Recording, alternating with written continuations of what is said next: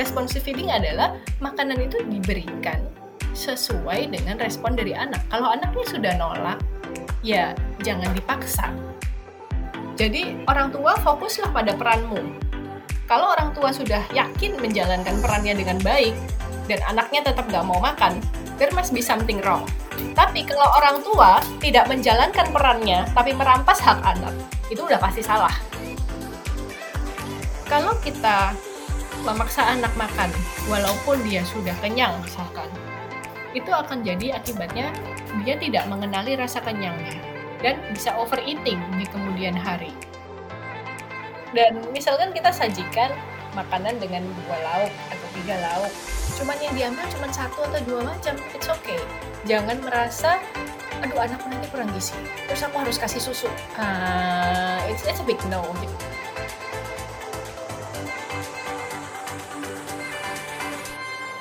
Halo semuanya, selamat datang lagi di podcast Sehat Seutuhnya bersama saya Willy.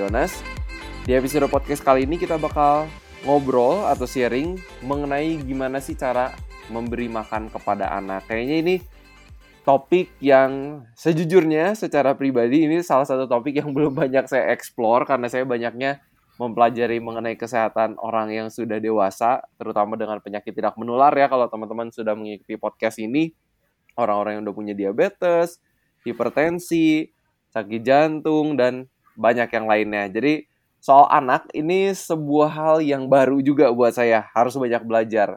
Jadi kayaknya apa ya, suatu hari kan semua mungkin mungkin gak semua tapi banyak mayoritas dari kita mungkin berencana untuk berkeluarga uh, akan punya keturunan dan pasti kayaknya akan mengalami gimana sih apa ya mungkin kesulitan dalam memberi makan kepada anak. Kayaknya perlu banget kita untuk punya knowledge ini. Buat kita yang mungkin masih belum berkeluarga, masih belum punya anak, kayaknya tetap kita perlu tahu karena suatu hari ilmu ini bakal kepake banget. Well, bersama kita hari ini uh, sudah ada narasumber yang saya undang.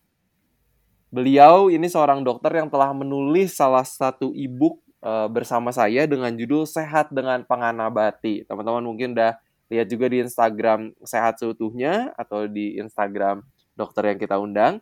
Uh, beliau tamat dari kedokteran dari Universitas Kristen Maranatha di Kota Bandung, lalu mengambil master gizi dari Universitas Indonesia. Beliau juga seorang ibu dari satu orang anak, dan sekarang beliau tinggal di Bali, Indonesia. Kayaknya asik banget ya tinggal di Bali nih. Jadi tanpa menunda waktu lagi, saya mau welcome Dr. Sylvia Irawati M. Gizi. Selamat pagi dokter. Selamat pagi Willy, apa kabar? Baik dok, dokter gimana nih di Bali? Aduh, udah lama banget gak ngobrol rasanya dok. Puji Tuhan baik, kami di Bali sehat semua. Mantap, nice. Ini by the way sebelum kita ngobrol ke topik kita hari ini. Kayaknya kemarin lagi nyoba bikin tempe nih dok, gimana dok? Sepertinya berhasil. Oke banget tuh bikin tempe. Perlu diulang. Perlu kemarin pakai kacang apa nih? Kacang kedelai? Pakai kacang kedelai. Oke, itu kayaknya ngupas kulitnya PR banget ya. Betul. Mungkin next time mau pakai yang nggak pakai dikupas. Pakai yes. lentils mungkin.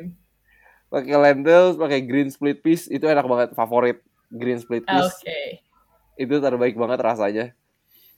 Terus Nanti dicoba abis ini. Tipis juga kayaknya ngupasnya nggak terlalu sebanyak kayak kacang kedelai. Oke, okay, thank you. Nanti lain kali dicoba. Oke, okay. dok. Hari ini ini kita bakal ngobrol soal apa ya topik memberi makan anak gitu. Uh, jujur ini kayak yang tadi aku bilang tadi di pembukaan kayak ini salah satu topik yang aku nggak banyak explore gitu ya. Tapi uh, aku ngelihat kayak di Instagram dokter, dokter banyak banget mengedukasi mengenai uh, mengenai memberi makan anak gitu atau yang disebut juga banyak disebut kayaknya gentle eating gitu dok ya.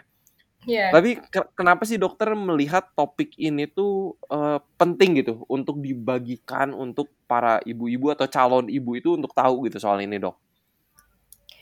Jadi saya sendiri ngalamin bagaimana cara kasih makan ke anak dan setiap anak itu pasti berbeda. Jadi nggak bisa dibandingkan dengan anak lain.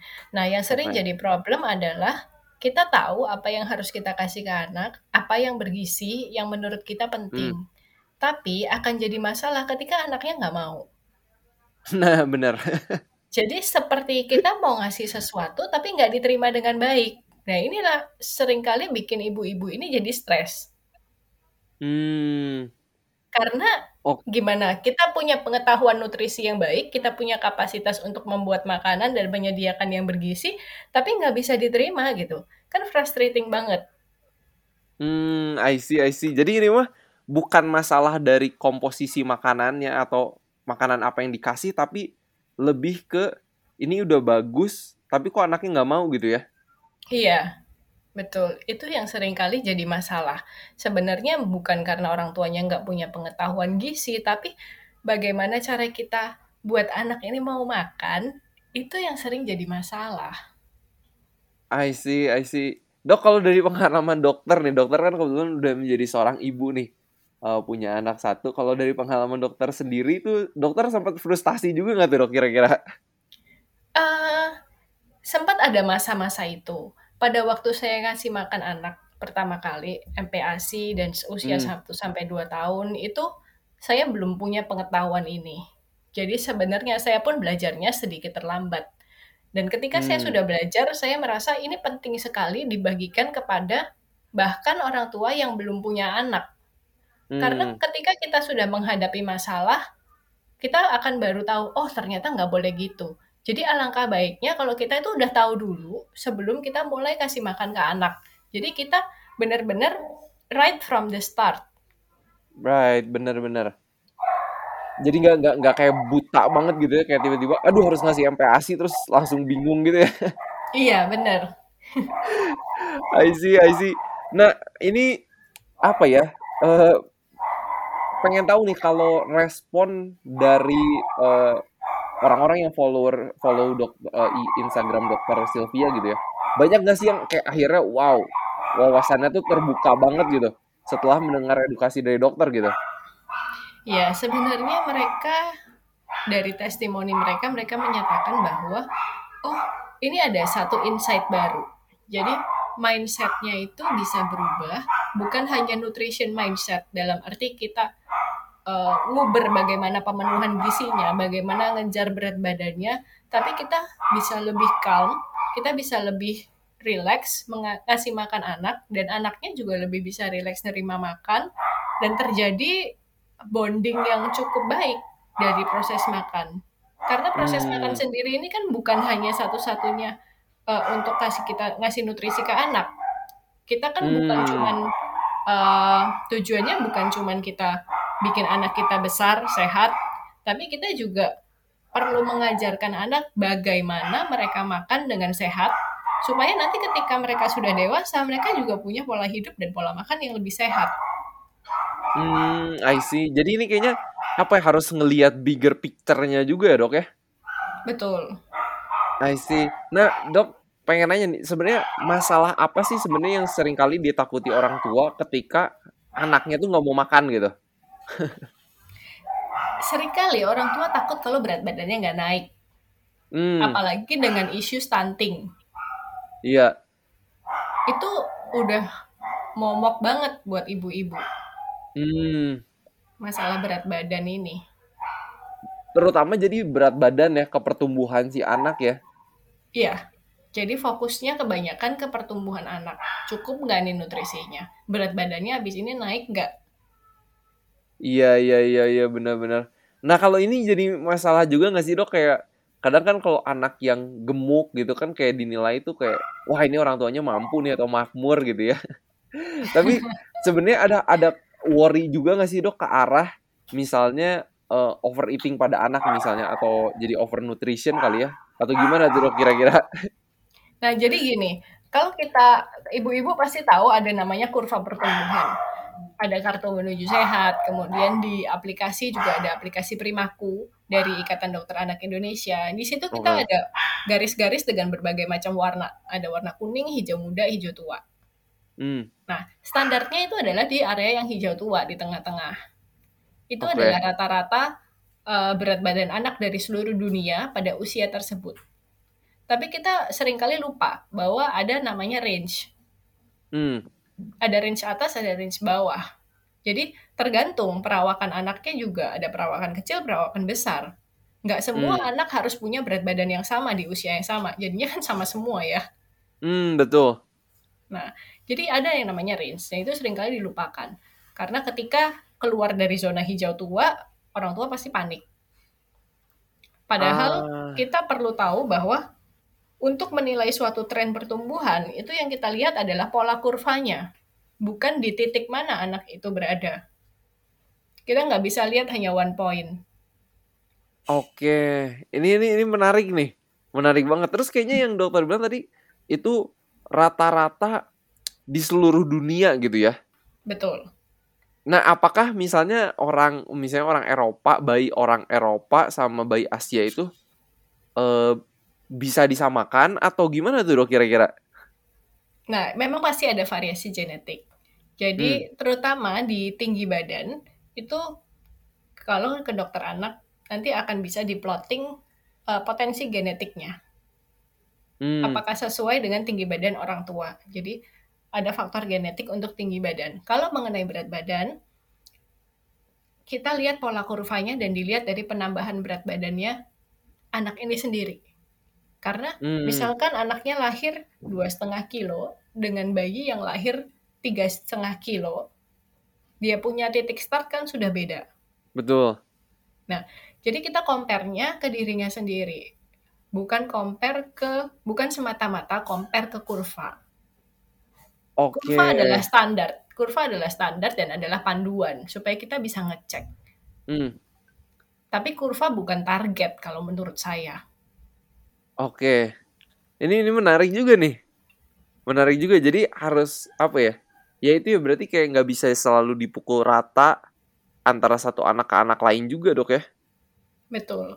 Nggak lucu dong, nah, anak semua umur 3 tahun sama semua bentukannya kan pasti nggak kan? Aduh kayaknya kayaknya kalau kita main ke TK gitu ke sa- satu sekolah TK playgroup gitu terus kayak sama semua anaknya. Dan gemuk belum tentu dia nggak kurang gizi loh. Hmm oke menarik tuh. Kenapa tuh Jadi dok kira-kira? Karena kita tahu ada makronutrisi, ada mikronutrisi. Hmm Dan tumbuh kembang bukan hanya ditentukan oleh berat badan. Status gizi secara umum ditentukan oleh berat badan, tinggi badan, iya. Tapi untuk mikronutrisi kita harus lihat lagi. Dan kit- hanya bisa dinilai dengan pemeriksaan lab. ah I see I see I see. Oke menarik nih. Mungkin ini ini yang disebut dengan apa? Kalau anak kecil misalnya banyaknya makan makanan bungkusan eh, apa ya berkalori tapi empty em, apa namanya Empty nutrition. empty nutrition gitu kan? Betul. Jadi caloric dense food tapi bukan nutrient dense food gitu dok ya? Iya, setuju. Dan dan itu kayaknya, aduh aku se- sering sedih ya ketika aku misalnya naik sepeda atau aku la- lagi lari di hutan terus nemu ke kampung-kampung gitu masuk di daerah Bandung gitu. Bahkan di daerah hutan-hutan pun makanan bungkusan tuh banyak banget gitu. Di daerah perkampungan yang kayak udah ujung-ujung makanan bungkusan tuh banyak banget dan itu ngeri sih kalau buat aku. ngeri ngeri ngeri. Nah, Dok, eh, sekarang pengen nanya nih. Tadi kan kita udah ngobrolin soal eh, pertumbuhan atau berat badan dari anak itu sendiri gitu ya. Tapi kira-kira mungkin dah kalau dari sisi orang tua gitu ya, ada nggak sih persepsi soal makan yang sering kali itu masih salah? Contohnya kalau aku udah inget gitu pas aku masih kecil sama kakak, kita kita sih banyak eh, ada bibi juga gitu di rumah kan yang eh, nemenin kita pas kecil karena orang tua terlalu sibuk. Terus aku inget kakakku tuh susah makan gitu. Lari lari lari lari dan lari, lari gitu ya. Tapi dia tuh selalu dipaksa atau apa bahasa ini bahasa Indonesia atau Sunda ya dicekokin gitu dok. Jadi kayak mau nggak mau tuh kayak harus makanan masuk gitu nah ini ada nggak sih persepsi-persepsi yang masih banyak salah di orang tua mengenai kasih memberi makan kepada anak gitu dok Banyak. Jadi sebenarnya sama. Startnya adalah nutrition mindset tadi. Jadi karena orang tua merasa nutrisi itu adalah satu-satunya hal yang utama ketika kasih makan anak. Mereka jadi ibaratnya menghalalkan segala cara. hmm Jadi mau gimana caranya, pokoknya porsi makannya itu mesti habis. Hmm Nah, ini bisa dikasih gadget, bisa sambil jalan-jalan keliling komplek, bisa digendong. Jadi, apa pun caranya akan dilakukan orang tua supaya anaknya makannya banyak. dan makanan yang dia siapkan itu habis berat badan anaknya Hmm. naik. Dengan begitu orang Right. tua tenang untuk dirinya sendiri. Nah, ini Tapi- oke menarik gitu. Tapi gimana, Dok? Tapi pada saat yang sama orang tua lupa kalau mereka mengabaikan anak sebenarnya. Hmm. Karena kita punya term ada istilah namanya responsive feeding. Oke. Responsive feeding adalah makanan itu diberikan sesuai dengan respon dari anak. Kalau anaknya sudah nolak, ya jangan dipaksa. Tapi dengan catatan, sebenarnya begini, sebenarnya antara orang tua dan anak dalam proses pemberian makan itu ada peran yang berbeda. Oke. Ada division of responsibility. Jadi orang tua itu tanggung jawabnya apa? Mereka bertanggung jawab untuk menentukan apa yang diberikan. Dalam kata Mhm. lain, kualitas gizinya, jenis makanannya. Itu orang tua yang bertanggung jawab. Kemudian kapan makanan diberikan? Dalam artian jadwal makan. Jangan diberikan terlalu dekat, jangan diberikan ngemil terus-terusan atau Hmm. susu terus-terus terus ya pasti nanti akan nggak mau makan karena udah kenyang. Dan Betul. lingkungan di mana makanan itu diberikan. Misalkan tidak ada distraksi, nggak sambil nonton, nggak sambil main. Itu adalah Hmm. tanggung jawab orang tua.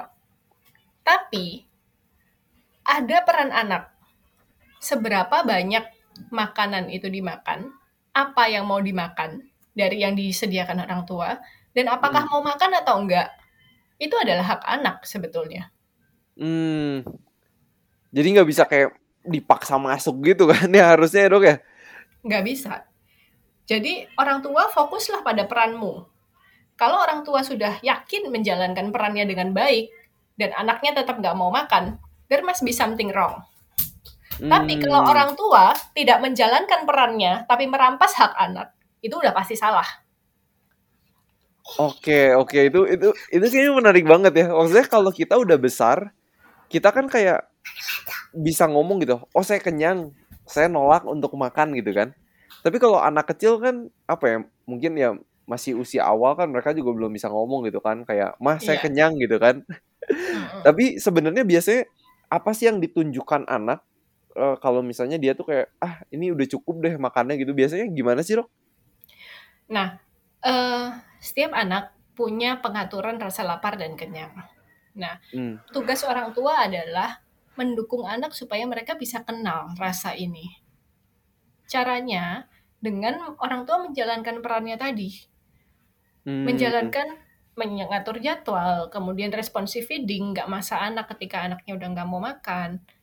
Dengan cara itu orang tua mengajarkan anak untuk kamu, kamu harus kenal ini loh yang namanya lapar, and kamu berhenti makan kalau kamu sudah kenyang. Hmm.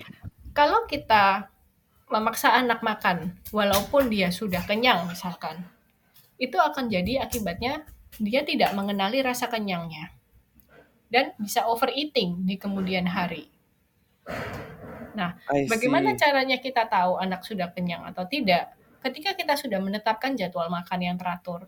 Jadi jarak antara makan yang satu dan yang lainnya termasuk cemilan dan susu itu Hmm. antara 2 sampai 3 jam. Ini berdasarkan waktu pengosongan lambung. Oke.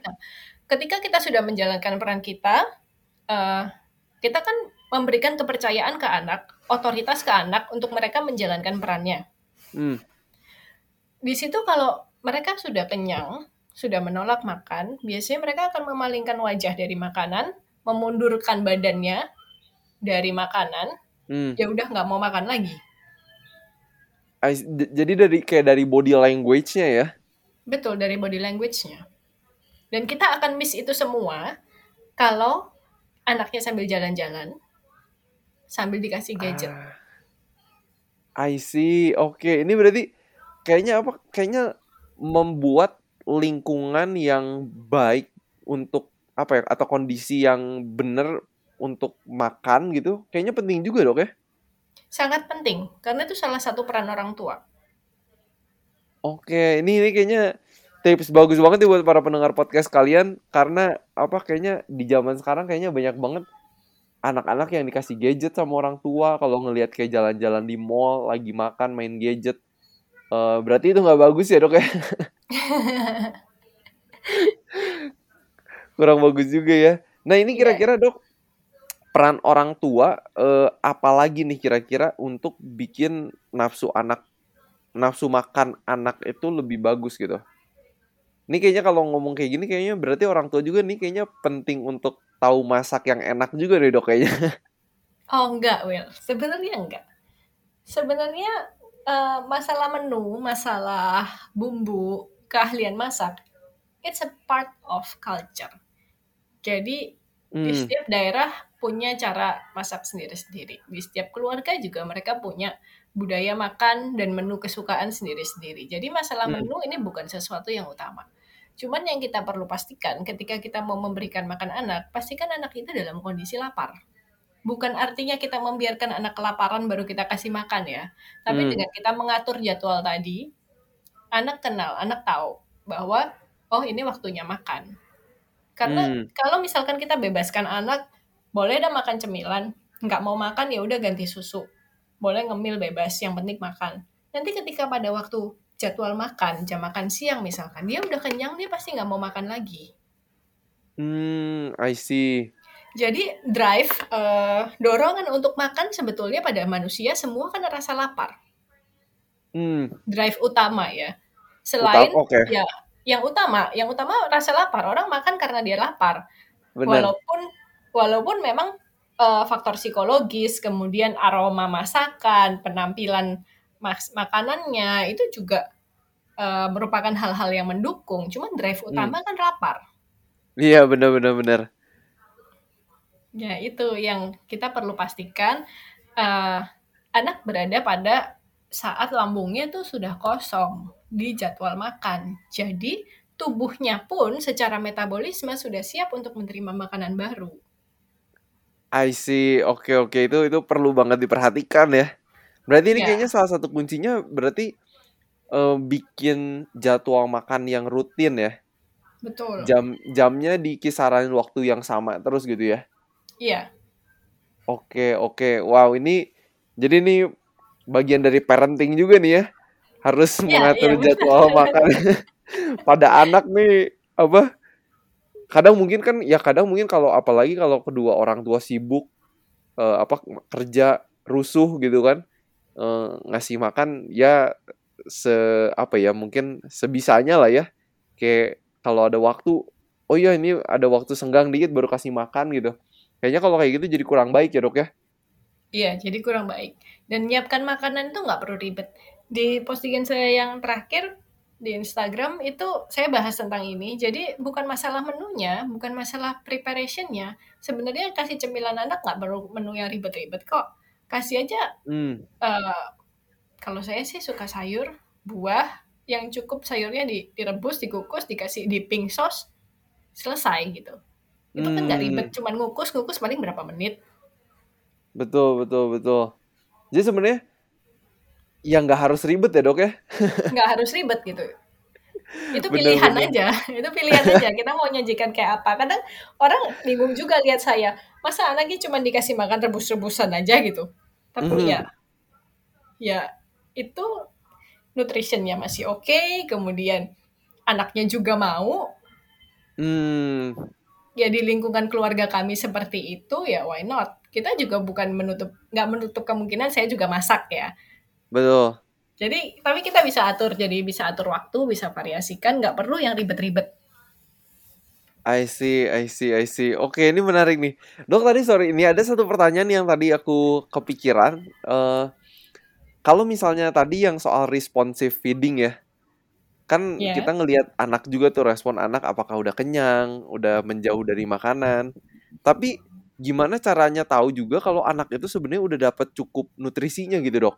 Jadi kayak eh, kenyang tapi takutnya kenyang tapi belum nutrisinya terpenuhi. Gimana, Dok, kira-kira, Dok? masalah nutrisi nutrisi itu orang tua yang tentukan jadi Hmm, sediakan makanan yang bernutrisi oke. kalau kita menyediakan makanan yang bernutrisi apa pun yang anak makan seberapapun yang anak makan eh, saya percaya bahwa ini adalah trust building juga antara orang tua dan anak nggak gampang Hmm, karena orang tua dengan segala kemampuannya, dengan segala pola pikir dan pengetahuannya pasti merasa paling tahu dibandingkan si bayi. Hmm. I see, I Tapi see, I see. ini trust building. Dan kita sebagai orang tua harus trust anak bahwa tubuhnya istimewa dan mereka akan makan sesuai dengan apa yang mereka butuhkan. Tugas orang tua adalah memfasilitasi dan menyediakan. I see, I see. Oke, berarti ini emang orang tua juga harus gain knowledge soal nutrisi buat anak juga ya.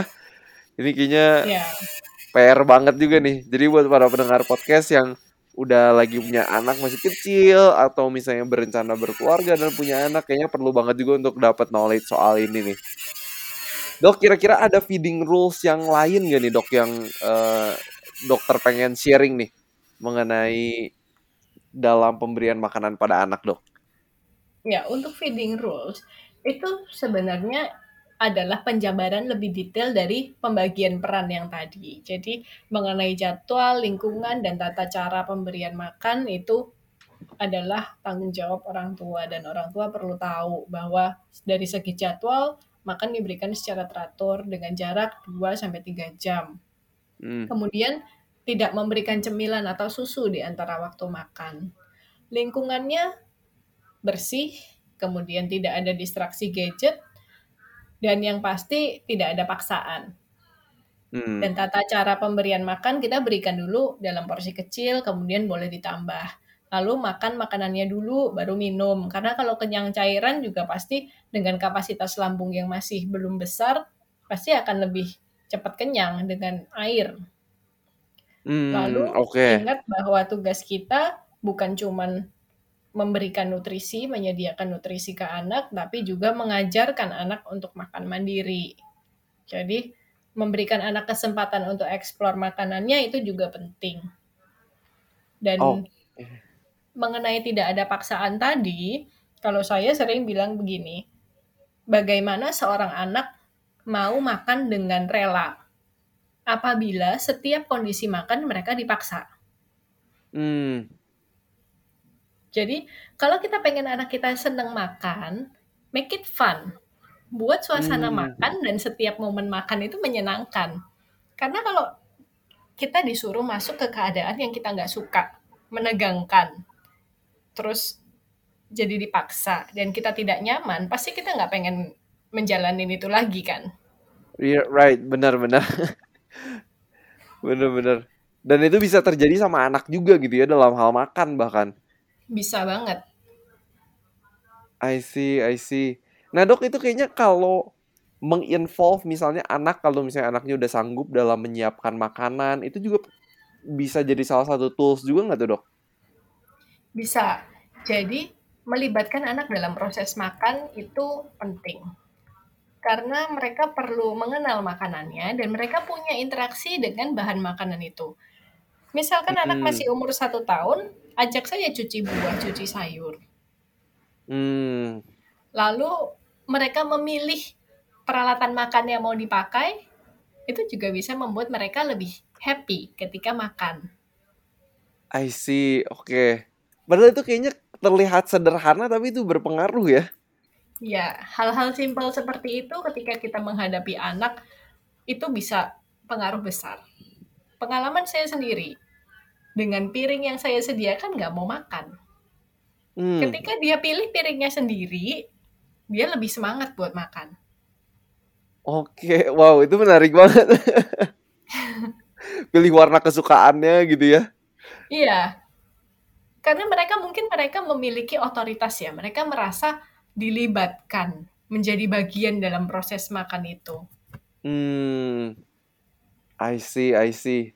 Jadi bukan kayak sesuatu yang kayak disuguhin aja gitu ya, kayak nih makan gitu kan. Nah, Tapi iya, wow, Ya. bener bener bener. itu juga penting. Eh, serving family meals. Jadi kita memberikan makan anak itu kalau kita makan bersama, lalu makanan anak itu sama dengan makanan orang dewasa, itu membuat mereka juga merasa jadi bagian dari keluarga dan lebih Ah, dianggap dalam tanda petik dibandingkan mereka punya menu khusus. kecuali memang masih di bawah satu tahun dengan variasi tekstur yang masih harus berubah-ubah, masih Hmm. bertahap ditingkatkan, itu memang tidak bisa dijalankan sepenuhnya. Tapi ketika mereka sudah usia satu tahun, mereka sudah uh, secara teori dan prinsip mereka sudah bisa makan makanan dengan tekstur keluarga, family meals, sajikan makanan dalam settingan family meals. Jadi uh, dari lauk yang kita punya di meja kita berikan ke piring anak. Jadi dia melihat dan dia tahu bahwa makanannya sama dengan makanan orang tuanya. I see. Wow, oke okay. ini menarik banget ya. Kayaknya apa ini tuh kayak hal kecil, aduh bener-bener harus diperhatiin gitu. Dok, aku juga kayaknya belajar banyak nih. Kayaknya sekalinya apa seseorang kecemplung langsung jadi orang tua juga kayaknya langsung dapat banyak pengalaman deh dok ya. Makanya sebenarnya belajar ini tuh harusnya sebelum punya anak, sebelum anaknya lahir. Karena hmm. ketika anaknya udah lahir, hidup akan berubah. Betul, benar-benar benar. Berubah banget. Dok, kira-kira ada pengalaman apa lagi nggak dok dari pengalaman dokter sendiri dalam memberi makan anak dokter gitu yang kayaknya menarik dan uh, bisa jadi berkat gitu nih buat para pendengar podcast kalian? Uh, up and down makan itu wajar sangat wajar. Okay. Jadi satu hari dia bisa makan sedikit, satu hari dia bisa makan banyak. Nah ini nggak perlu terlalu worry dengan variasi harian seperti ini. Hmm. Dan misalkan kita sajikan uh, makanan dengan dua lauk atau tiga lauk, cuman yang diambil cuman satu atau dua macam, it's okay. Hmm. Jangan merasa, aduh anakku nanti kurang gizi terus aku harus kasih susu. Uh, it's it's a big no. Jadi kalau misalkan anak gak mau makan, jangan langsung digantikan dengan menu kesukaan, jangan langsung digantikan dengan susu. Ya memang berat buat orang tua, apalagi ibu-ibu dengan segala kekhawatirannya. Tapi please try to trust your child. Hmm, wow, oke okay. ini menarik nih. mereka akan bisa begini. Suatu hari dalam satu minggu mereka cuma mau makannya nasi polos Anak saya pernah begitu. Cuma mau nasinya aja. Lalu minggu berikutnya dia nggak mau makan nasi sama sekali, dia cuma mau makan buah sama sayur. Oke. Terus itu pasti, dokter ngapain tuh pas anak dokter maunya kayak gitu? Saya pasti bingung. iya iya iya. Saya pasti bingung ini anak kenapa. Tapi ternyata oh setelah satu minggu dia makan nasi aja karbo aja terus minggu depannya dia makan buah sayur saya jadi tahu oh kayaknya dia memang lagi pengen switch aja deh hmm. terus nanti suatu waktu dia akan teriak-teriak minta stroberi nambah-nambah lalu setelah itu dia akan stop selama beberapa minggu dikasih stroberi nggak mau sama sekali jadi kayak overdose overdose yeah. strawberry udah gitu kayak oke okay, bosan ah gitu ya dan ketika dia besar dia bisa bilang begini ketika dia nggak makan sayurnya kamu kamu nggak makan sayurnya oh iya lagi nggak pengen oh mm. oke okay. ya sudah setidaknya saya sudah menyediakan mau dimakan atau enggak ya terserah kamu tapi nanti berikutnya akan ada pola yang terbalik lagi gitu dia nggak mm. mau makan nasinya dia cuma mau makan sayurnya ya go ahead deh I see. Jadi hal-hal kayak gini tuh udah pasti, maksudnya dialami lah ya. Hal-hal kayak gini wajar terjadi sih. Oke. Okay. Dan dan kita nggak berharap kayak wah mulus gitu ya dari dari hari pertama lahir sampai pertumbuhan tuh kayak makannya bagus tiap hari gitu ya nggak oh, mungkin nggak tidak jangan berekspektasi seperti itu iya iya itu false expectation ya iya prinsip pertama yang saya uh, persiapan pertama yang saya se selalu kasih tahu ke ibu-ibu di kelas persiapan EPASI adalah satu siapkan mental. Mental hmm. apa? Mental untuk ditolak. Oke, menarik banget tuh. menarik, menarik. Dan dan itu ibu maksudnya ya jangan jadi ngerasa down gitu ya. Kalau iya. anaknya yeah. lagi ya menolak apa yang udah dibikin gitu ya. Iya, jadi kalau kita over worry, kita terlalu down, kita terlalu khawatir, kita nggak bisa cari tahu apa sih sebabnya. Hmm, oke. Jadi nggak objektif lagi, karena kita sudah uh, terlalu khawatir ya. Hmm, semua jadi burem gitu kelihatannya kayak. Semua jadi burem, iya. Dan ya rayakanlah hal-hal kecil, nikmatilah perjalanan makan dan setiap proses up and down-nya. Karena makan itu ya seperti kita gandeng anak belajar jalan. Ada jatuhnya, lalu berdiri lagi. Dan it's a process. Hmm. Makan adalah learning process.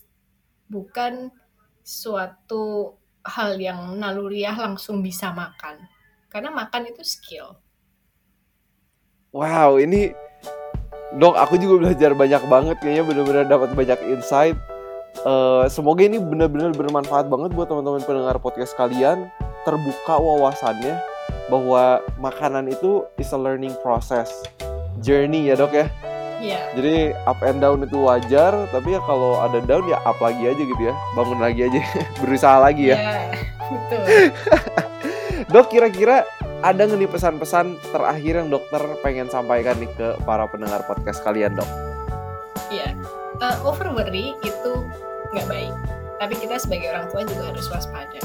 Caranya kita perlu tetap mengikuti uh, kurva pertumbuhan anak, mengamati perkembangan anak dari waktu ke waktu, dan uh, kita perlu banyak belajar dan kita juga belajar dari anak dalam proses makan ini. Menurut saya uh, orang tua sama-sama berproses bersama dengan anak. Selalu ingat bahwa makan itu bukan hanya untuk menutrisi tubuh, tapi kita juga menghargai anak, memberikan value of life dalam mengajarkan proses makan dan tidak lupa bahwa kita perlu mengajarkan anak juga untuk bersyukur atas Hmm. dirinya, tubuhnya dan makanannya. Oke Jadi oke kita respect anak. wow itu itu menarik banget nih ini kayaknya perspektif baru juga nih respect anak ya kita orang tua juga belajar dari anak bahkan Betul. Wow. Dokter Sylvia, thank you so much ini sudah bersedia berbagi di podcast sehat seutuhnya. Jangan kapok lagi nanti kalau misalnya diundang dengan topik-topik lainnya. Semoga bersedia. Kalau lagi nggak sibuk ya dok ya. Selalu punya waktu kalau buat Billy. Semoga kita bisa kolaborasi terus. Selalu sangat seneng bisa uh, kenal dokter Sylvia. Akhirnya bisa kolaborasi juga nulis ebook uh, bareng-bareng. Dan sampai sekarang ada aja gitu dok yang masih kayak uh, nge-DM kayak eh boleh nggak minta e-booknya gitu. Jadi ini Iya. buat orang pendengar podcast kalian kalau misalnya ada yang pengen e-book sehat dengan penganabati yang dokter Sylvia dan saya sudah pernah tulis, ada menu-menunya di sana. Didesain juga oleh Bang Gali, salah satu teman kita juga. Eh, bisa DM kita di @sehatseutuhnya, @setuhnya eh, di Instagram saya @willionas. Kalau Instagram dokter apa nih dok? At DR Sylvia Irawati. Oke, jadi uh, follow Instagram Dokter Sylvia teman-teman bakal banyak belajar banget mengenai pemberian makan pada anak. Uh, sangat bermanfaat untuk follow dok Instagram Dokter Sylvia. Jadi itulah yang bisa kita bagikan hari ini. Seperti biasa, harapan saya semoga kita sehat seutuhnya.